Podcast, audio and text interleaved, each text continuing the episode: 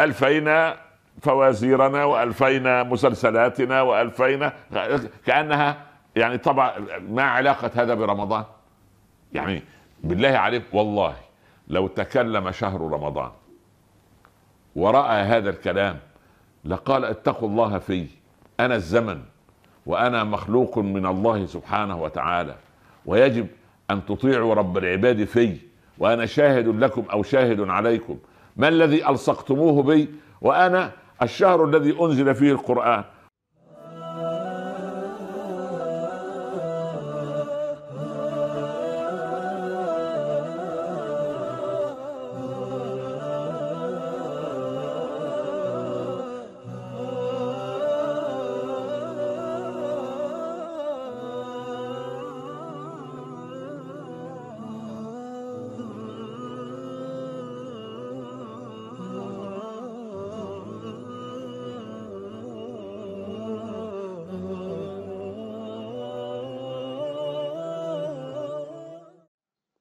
أحسن القصص.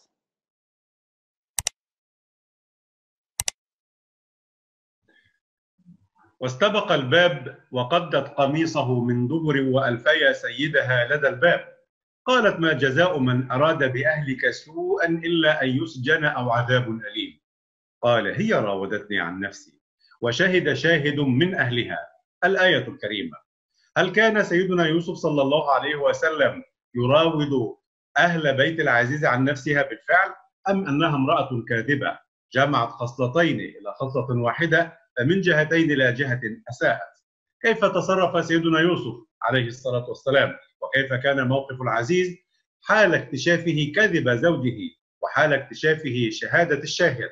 كيف سارت هذه الأحداث؟ مشاهدينا الكرام السلام عليكم ورحمة الله وبركاته. أهلا بحضراتكم معنا إلى حلقة جديدة في برنامج أحسن القصص. نرحب بحضراتكم ومع نرحب بضيفنا الكريم صاحب الفضيلة العالم العلامة فضيلة الشيخ الأستاذ الدكتور عمر عبد الكافي. سلام عليكم مولانا الكريم. وعليكم السلام ورحمة الله تعالى وبركاته. يا أهلا وسهلا. بارك الله فيكم وأحسن الله إليكم. وإليكم يا رب إن شاء الله.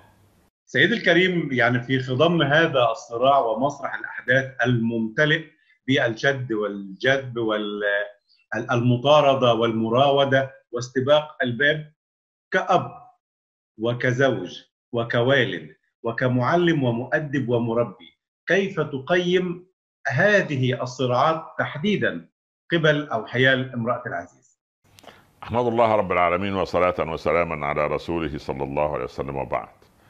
هذه اللقطه التي عرضت أنت لها وبينتها ووضعتها تحت المجهر تصور الصراعات الإنسانية النفسية عندما ترتبك وتمسك بزمامها يعني كأن هناك تمرس في التعامل مع الأزمات فقه الأزمات. يعني الآن نحن الآن أمام ورطة كبيرة وأزمة كبيرة فكيف تصرف كل عضو من أعضاء الواقفين في المشهد؟ هم استبقوا الباب. استبقوا الباب يعني الفعل واحد لكن النية غير واحدة. يعني اللي يشوف المنظر من الخارج اثنين بيجروا ناحية باب واحد. نفس الفعل نفس الاتجاه. لكن هي تؤذيه وتنتقم لأنوثتها وشرفها بأن تضربه وهو يلوذ بالباب يريد أن يفتحه حتى لا يضربها وحتى لا يقاتلها ولا يقاومها لأن ربما لو حدث هذا لسقطت براءته. فيريد أن ينجو بنفسه. الفعل واحد الاستباق واحد. سبحان الله العظيم. سرعة المغادرة يعني يعني يعني سبحان الله يعني يعني هذا تصرف حكيم من سيدنا يوسف عليه السلام. المفاجأة المذهلة الفيا سيدها لدى الباب. الإلفاء هو وجود الشيء على حاله بغير بحث كما تقولون في في اللغة. وجود الشيء على غير حال. يعني آه قالوا نتبع ما ألفينا عليه آباءنا. أي ما وجدنا عليه آباءنا. لقينا آباءنا بيعبدوا الأصنام وإحنا ماشيين على نفس الطريقة. يعني لم يبحثوا لماذا عبد آباؤهم الأصنام. وهي لم تبحث أو كانت تبحث عن العزيز لينقذها ولا يوسف يبحث إنما هو يريد فتح الباب المغلق. بس. فألفيا سيدها لدى الباب يعني وجدها زي بالضبط إحنا إيه؟ أول ما طلعت الستينات وأطلت علينا الشاشة الفضية زمان قبل الملونة مش سموها كده برضو؟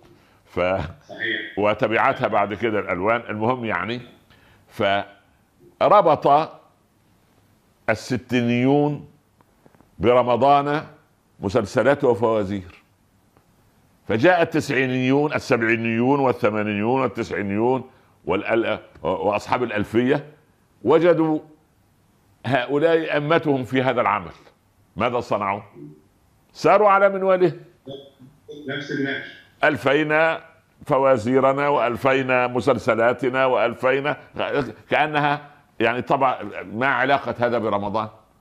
يعني بالله عليك والله لو تكلم شهر رمضان ورأى هذا الكلام لقال اتقوا الله في أنا الزمن وأنا مخلوق من الله سبحانه وتعالى ويجب أن تطيعوا رب العباد في وأنا شاهد لكم أو شاهد عليكم. ما الذي ألصقتموه بي؟ وأنا الشهر الذي أنزل فيه القرآن. وأنا شهر العبادة وأنا شهر القيام وأنا شهر الصيام وأنا شهر ال- الاستغفار وأنا شهر الصدقات وأنا شهر فعل الخيرات. فماذا صنعتم فيه؟ والله يعني يعني ماذا يقول لنا؟ إن وج- ألفينا آباءنا الزوجة تغضب من زوجها. أول شيء سواء في المسلسل ولا الحقيقة. فاتحة حقيبتها واخدة ال- الملابس من الخزانة والدولاب تحطه بتاعه وتروح على بيت أبوها. مين اللي قال كده؟ أين الشرع في هذا؟ قال لا تخرجوهن من بيوتهن ولا يخرج. ما فيش مطلقة تخرج من بيتها. لما تنتهي العدة نتكلم. هو اللي يخرج من بيته. هو اللي يخرج ويخرج ليه؟ ما هي لسه داخل العدة. وأول ما قال تطلق أول مرة قال تتحجب عليه. تحجب على مين يا أم حسن؟ ما ده كلام ما, ما, ما لا علاقة له بالفقه. فإحنا ألفينا آباءنا. أمها تقول لها إيه يا بنتي؟ أنت ولدتي بالحمد لله بالسلامة. أربعين يوم اوعى تصومي. أربعين يوم. م- م- مين اللي حد أربعين ده الحد الأقصى. لو انقطع الدم في أول يوم صلت وصامت. يا إخوانا لا نريد يعني الآبائية مرفوضة في القرآن. الآبائية اللي هو اتباع الآباء يعني. اتباع يعني نتبع ما وجد ألفينا ما وجدنا عليه آباءنا. التقليد الأعمى. هذا مرفوض في دين الله. الآن الشخصية الأساسية المحركة للأحداث عذر المقاطعة فضيلة الإمام. بارك الله فيك وأحسن الله إليك. أوليس الدين يأمرنا أن نتبع آباءنا وأسلافنا أيضا طالما هم مسلمون؟ والله فلما نتبع آباءنا على جدة الصراط؟ والله إن, إن, ك- إن كانوا على حق إحنا وراهم. إن كانوا على باطل وإن جاهداك على أن تشرك بي ما ليس لك به علم فلا تطعهما. فلا تطعهما ده الأب والأم ها؟ وصاحبهما في الدنيا معروف. لكن لا. يعني يعني يعني سبحان الله إذا كانوا على استقامة من كتاب وسنة نحن وراءهم. ليسوا على استقامة وما كان استغفار إبراهيم لأبيه إلا عن موعدة وعدها إياه. فلما تبين له أنه عدو لله تبرأ منه. تبرأ فورا. الولاء والبراء. هذا ما يحكم الم- المؤمن. تمام. طيب. نأتي إلى الشخصية الكريمة. نعم. شخصية هذا العزيز كرجل كيف تقيمها بداية؟ والله هناك رأيان أنا أميل إلى رأي ولابد من الأمانة العلمية أن تعرض الرأيين. الأول؟ الأول يقول هذا رجل فيه شيء من الدياثة وهكذا هي القصور وهكذا هي البيوتات إياها. وهكذا البيوتات اللي بعيدة عن آه، روح الدين وروح القيم آه، تبسيط وتسطيح المواقف تهميش المواقف آه، أن يتفه الموقف أو يسفهه أو يصغره. يوسف أعرض عن هذا واستغفري لذنبك وكأنه خلص الموضوع. هذا رأي ورأي آخر يقول إنه لرجل حكيم. لو صنع غير هذا لما كان عزيز مصر. ليه؟ بمعنى بمعنى أن لو اولا أمسك زوجته فآذاها أو أوقع عليها عقابا الموضوع هينتشر ولو أوقع بيوسف عقابا الذي أكرم مثواه في هذا البيت سوف يتساءل الكل لماذا هذا الغضب؟ لابد أن أش... شيء حدث قد يعرض على القضاء قد يكون القضاء نزيها فيعرض الأمر على الملأ الملأ ينتشر. هنا. يعني تسريب الموضوع خارج أبواب القصر هذه خطورة على المجتمع وعلى القصر وعلى ال... ال... وعلى العزيز وعلى زوجة العزيز فالقضية تصير كبيرة ويخرج الموضوع يفلت الموضوع من يده. فإنه لرجل حكيم. فضلتك ترجح أي الرايين يا مولانا؟ والله أنا أحيانا أميل إلى الرأي الأول كثيرا وأحيانا أرى أنني يعني الإنسان إذا وقف على الأرض التي يقف عليها الآخر ربما يتفهم موقفه. هو لما تو... لما تصرف هكذا في هذا الموقف؟ أما نحن فنحمد الله الذي عافانا. بس هذا رأيي. ونعم بالله. يعني لكن لكن الموقف الثاني بكونه حكيما انتشر الخبر وقال نسوة في المدينة امرأة العزيز تراود الفتاة وت- وتقدرون وتقدرون فتضحك الأقدار أنت تريد وأنا أريد والله يفعل ما يريد. سبحان الله. هي القضية في إيه؟ نعم. هنا ظهر سيدنا يوسف صلى الله عليه وسلم موقفه موقف ضعيف إلى أن شهد شاهد من ب- بهذه الشهادة. كيف تقيم تلكم الشهادة وكيف كان تقييمها في ميزان عزيز مصر؟ اولا سيدنا يوسف عليه السلام بما آتاه الله من حكمة لما وجد أنه هو لابد أن أن أن يرد ونحن نسأل لماذا رد بهذا الرد الذي يفضح المرأة؟ يعني ليست هذا ليس هذا من خلق النبلاء فما بال لما يكون الكريم ابن الكريم النبي ابن النبي الرسول ابن الرسول. لا هذا إن سكت فهو خدش لمقام النبوة. مجرد الحديث عن هذا من قريب أو من بعيد هذا يخدش مقام النبوة المعصومة. فلا بد أن يرد ردا قويا. قال هي راودتني عن نفسي. ولكنها المرأة من حصافتها وذكائها وعقلها العجيب وعبقريتها. ما جزاء من أراد بأهلك سوءا وعممت السوء. ما قالت هجم علي ما قالت تحرش بي ما قالت امتدت يده ما قالت قال كلمة ما قالت نظر نظرة. ما يعني أراد بأهلك سوءا. فسر أنت السوء على راحتك إلى أن يسأل تقول هي رتبت أمورها. يعني هو أن يسأل ما هو السوء الذي صنعه؟ تكون هي رتبت أفكارها. أو عممت القضية والعزيز يريد يعني بالعامية أنه يلم الموضوع يعني يحجمه لكنها أمام مصائب عجيبة. هي هي نفسها زوجة العزيز قبل أن ندخل على يعني كونها متحرشة أصبحت كاذبة أيضا. إذا جاز مصطلح التحرش يعني. يعني اولا اولا هي يعني إنسانة ليست بالسهولة بمكان. يعني تجتمع لها ذل كرامتها. تمام؟ في هذا الموقف يعني. تمام؟ يعني وبعدين الرد القاسي من سيدنا يوسف. واضح. قال هي راودتني عن نفسي. سبحان الله. ثم محاولة خروجه وهي تظن في عقلها وفي ذهنها أنه سوف يخرج ليقول الحقوني أغيثوني أنقذوني. لقد حدث بي كذا. سبحان الله. ف ال ال ال العزيز لما رد قال قال إيه؟ قال إنك كنت من الخاطئين. هي من الروايه لغة عندكم إنك أنت من الخاطئات. صح؟ أو المخطئات. لكن خاطئين إزاي؟ أصل معروف في قضايا عزكم الله التحرش. ربنا يحمينا وإياكم من وأولاد وبنات المسلمين. أن سبحان الله ملتصق دائما بالرجل. يعني الرجل دائما هو الذي غالبا ما يقوم بهذا الأمر. يعني ما فيش غريبة أن واحدة تتحرش بواحد.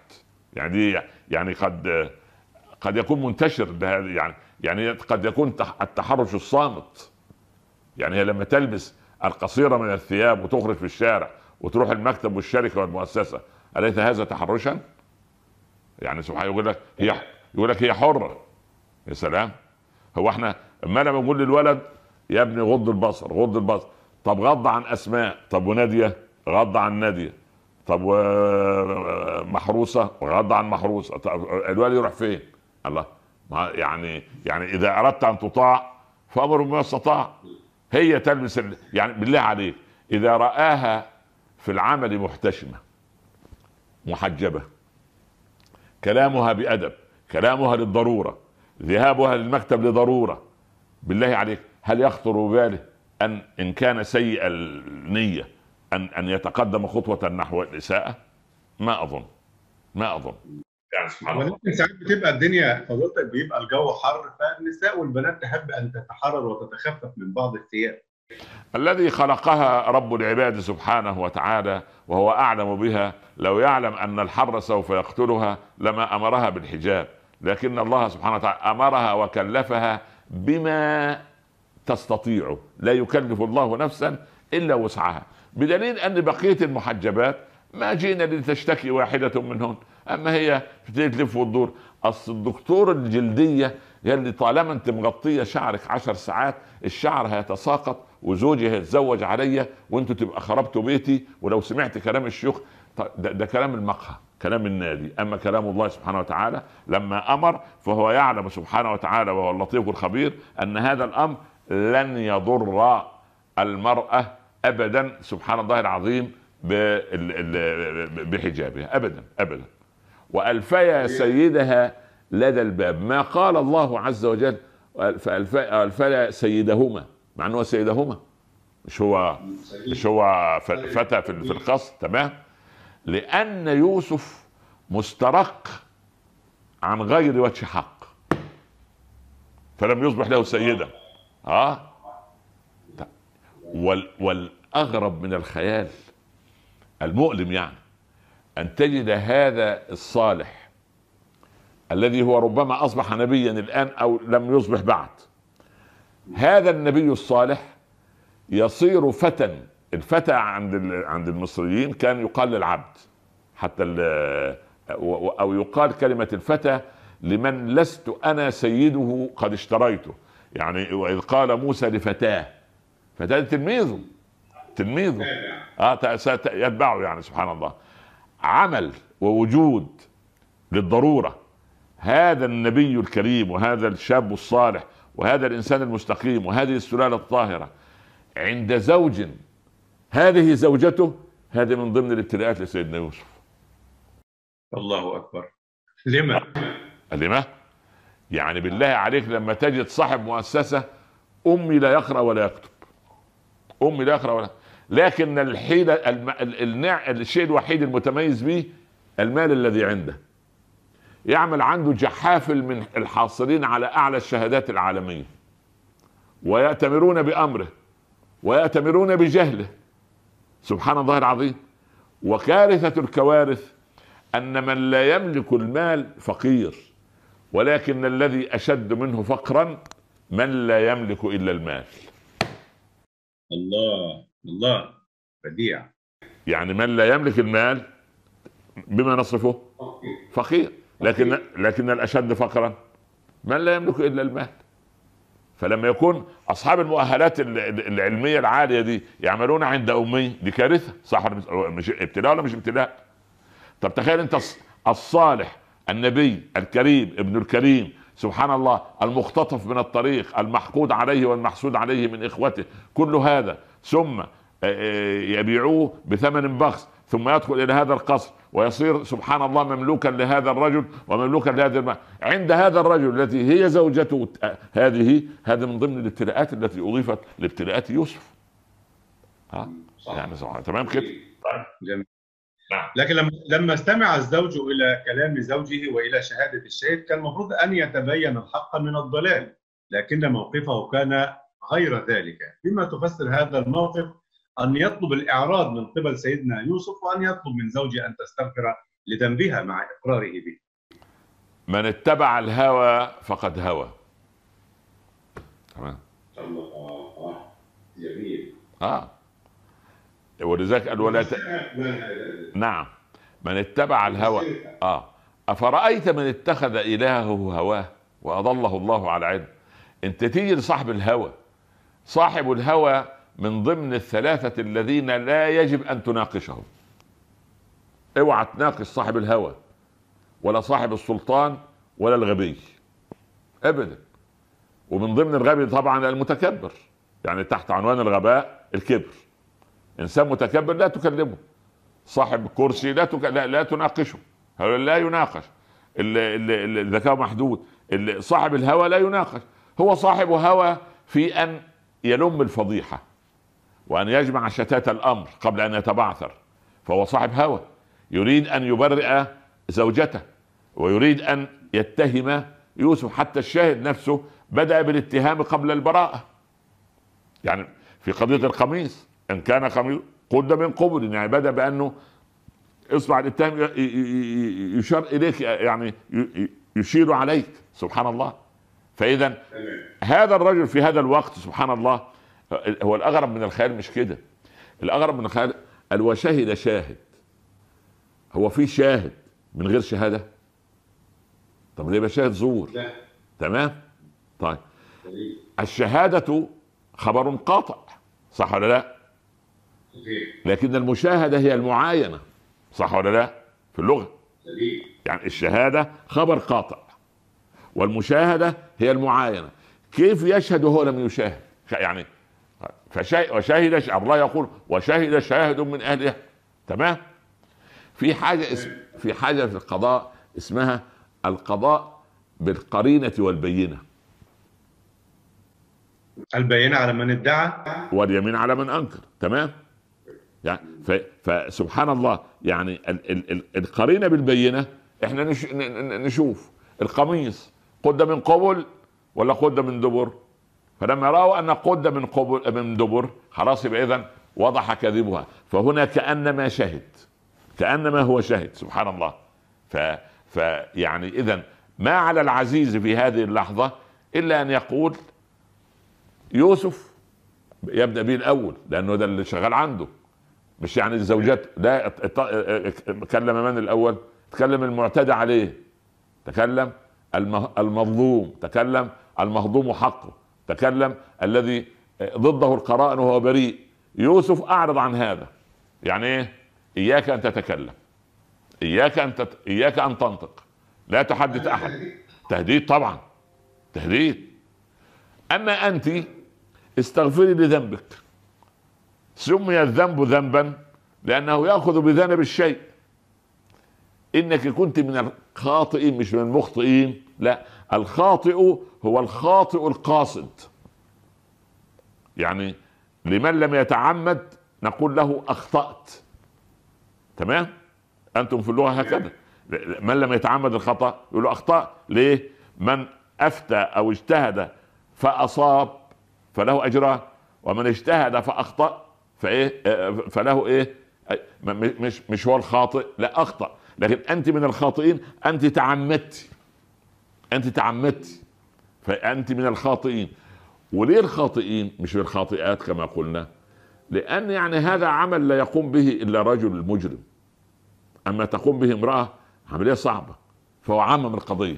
وبعدين في نفس الوقت عايز يميع المسألة. يقول لا أنت خاطئة؟ لا. أنت مخطئة؟ لا. كنت من الخاطئين. يعني أن الخاطئين كثر وأنت واحدة منهن المجتمع مليء بالبلاوي. المجتمع مليء بالبلاوي وانت من ضمن البلاوي. بس كده. جميل. واضح واضح إن امراه العزيز زليخه كانت تعاني من فراغ عاطفي. والله إحنا بقى يعني مش هندخل في المسألة دي فراغ ولا مش فراغ بقى يعني يعني يعني ال- اللهم إني صائم. طب وبعدين يعني لا خير وبركة. الله يرضى عليك يا رب. آه نعم. هنا هنا حدث الذي كان يحذر منه عزيز مصر وشاع الخبر وقال نسبة في المدينة امرأة العزيز تراود فتاها عن نفسه قد شغفها حبا. كيف شاع هذا الخبر؟ وما هذه الفئة من الناس؟ وهل هذا يعني ما يسمى ب يعني معذرة يعني ال- الجنس الجماعي الذي كان معروفا عند قوم سيدنا لوط؟ كان موجود في مصر انذاك لا لا لا لا لم يكن موجودا لم يثبت هذا بالتحقيق المعرفي ولا بالتحقيق التاريخي لم يكن موجودا وإنما آه، يعني الأمر تسرب لأن فيه في القصر ناس تعمل. مش فيه طباخ وفيه ساقي وفيه زوجة الطباخ وزوجة الساقي وفي حاجب وفي م- حارس السجن وفي المؤذن وفي أكيد عمال. فدول طبعا بيخرجوا ويدخلوا وفي عيون على العزيز نفسه.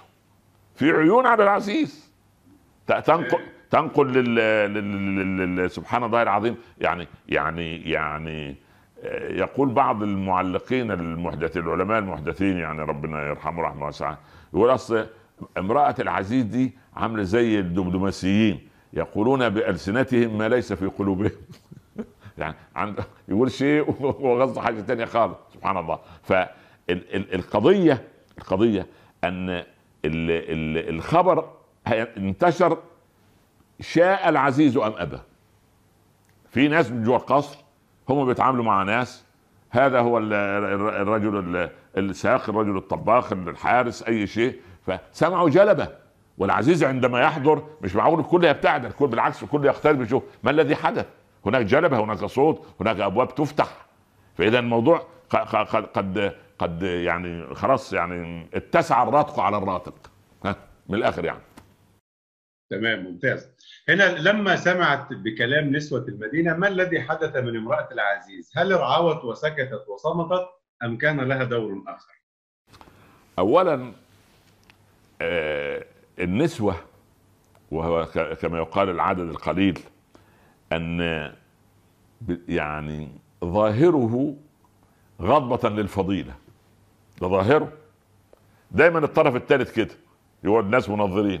معقول؟ يرتشي. تابع. يا عم طب انت رحت لقيته محتاج وأعطيته شيء؟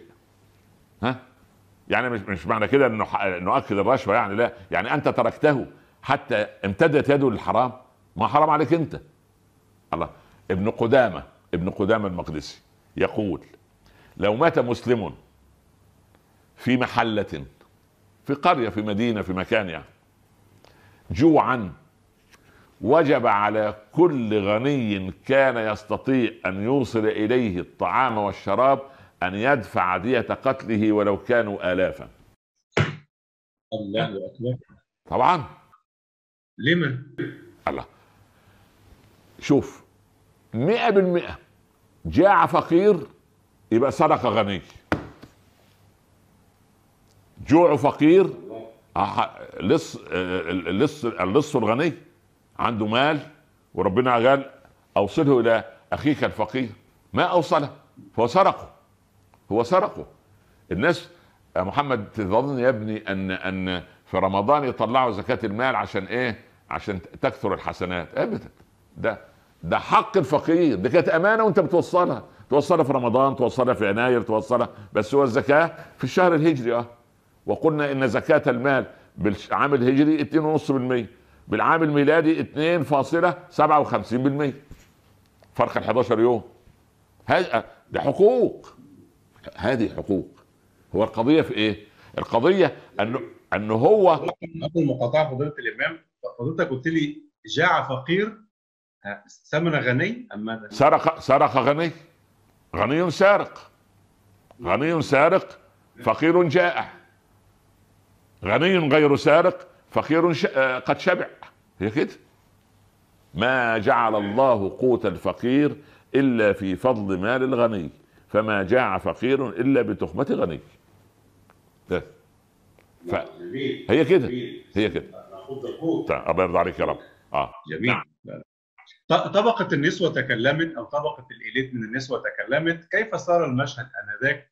وم- وموقف العزيز وموقف رجال القصر أو رجال القضاء المعروفين كيف كانت ردة فعلهم.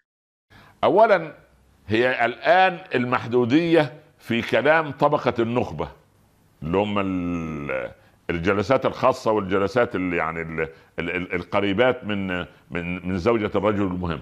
تمام؟ فهي سبحان الله يعني كأنما تريد أن أن هن يردن أن يظهرن أنهن صاحبات فضيلة وأنهن يعبن على هذه المرأة كيف أنها يعني تراود فتاه عن نفسه؟ قد شغفها حبه. إن لنرا- نراها يعني هم كمان وضعوا نفسهم قاضي ووكيل النائب العام ونائب عام وأصدروا حكم وأصدروا خطأها وبعدين دخلوا كمان إلى الحساب على الخواطر أنه قد شغفها حبا يعني دخلوا إلى قلبها. شوف الإجرام وصل لفين. يعني سبحان الله يعني ده, ده شيء أغرب من الخيال. وبعدين يقول لك إحنا ده إحنا ده أنا مسكينة. أنت مسكينة؟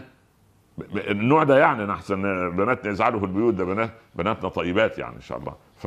ف فالقضيه أن أن سبحان الله يعني هل هذه حرب اشاعات فضيلة الإمام أم هي حقيقة؟ نعم. هل هذه تعتبر حرب إشاعات إشاعة الأكاذيب وإشاعة الفاحشة أم هذه حقيقة؟ والعياذ بالله ده وصلوا إلى حد القذف. يعني على حافة القذف قد وقفوا. خلاص أكدوا. فاللي هينقل الخبر لن لن ينقله هكذا. هيسمع من النسوة أن امرأة العزيز تراود فتاة. طب ده ده الخبر الأول لما يوصل لل- لل- للرقم 100 هي- هيقولوا إيه؟ قد شغفها حب. فلا ده, ده, دخلوا في نوازع قلبها وخواطر قلبها ومشاعر قلبها حتى وصل لشغاف القلب ويعني انت عارف يعني باللغة ما هو شغاف القلب. فسبحان الله حكموا أص- اصدروا حكما نعم. بعدين فضيلتك فضيله الامام اخذ من فضيلتك درس لمن يتغول في أعراض الناس. يعني نساء كانوا أم رجال خصوصا من يتغول في أعراض العلماء والنيل. ماذا تقول؟ أقول اولا بالنسبة للعلماء إن لحوم العلماء مسمومة وكما قال ابن الجوزي أو الشافعي وسوء آه، نهاية خاتمة يعني حياتهم عند الله معلومة. فلا داعي لأن نخوض في أعراض العلماء فهم ينشرون الخير. ولا داعي أيضا لأن نخوض في أعراض الناس وإن أردنا للناس نصيحة فلا تكون على الملأ. قال رجل لعمر رضي الله عنه سوف أنصحك يا أمير المؤمنين. قال أقبلها إن كان بيني وبينك. أما إن كان بيني وبين الناس أو أمام الناس فالنصيحة على الملأ فضيحة. ولذلك لما دخل الرجل على هارون الرشيد وقال سوف أنصحك وأغلظ عليك في النصيحة قال لا تفعل. أرسل الله من هو خير منك إلى من هو أشر مني. فأرسل موسى وهارون وهما خير منك إلى إلى فرعون وهو شر مني. فقال قال لهما فقول له قولا لينا إياك إياكم إياكم إياكم ثم إياكم من الخوض في أعراض الناس. فالخوض في أعراض الناس مصيبة وكبيرة من الكبائر. ومن يعب بالذنب على أخيه فيعافيه الله ثم يبتليه. ونسأل الله ألا تقع ألسنتنا في أعراض الناس. ولذلك المخرج يقف لنا لكي نتوقف عن الكلام عن أعراض الناس. بإذن الله تعالى يعني نكمل في الحلقة القادمة بإذن الله تعالى. مستنيرين بعلمكم الغزير وما من الله عليكم به من علم. أهلا وسهلا. مشاهدينا الكرام مستمعينا الأعزاء نأتي وإياكم إلى نهاية هذه الحلقة في برنامج أحسن القصص. أشكر حضراتكم وأشكر باسمكم جميعا ضيفنا الكريم صاحب الفضيلة. العالم العلامة فضيلة الشيخ الأستاذ الدكتور عمر عبد الكافي. شكرا لفضيلتك سيدي بارك الله فيك شكر الله لك. بارك الله فيك ولكم. حتى يضمنني لقاء جديد نستودعكم الله. شكرا لكم والسلام عليكم ورحمة الله تعالى وبركاته. تقبلوا ارقاميات وعطر التحيات مخرج البرنامج عمار عبد الكافي. في أمان بارك الله فيك. نحن نقص عليك أحسن القصص أوحينا إليك هذا القرآن وإن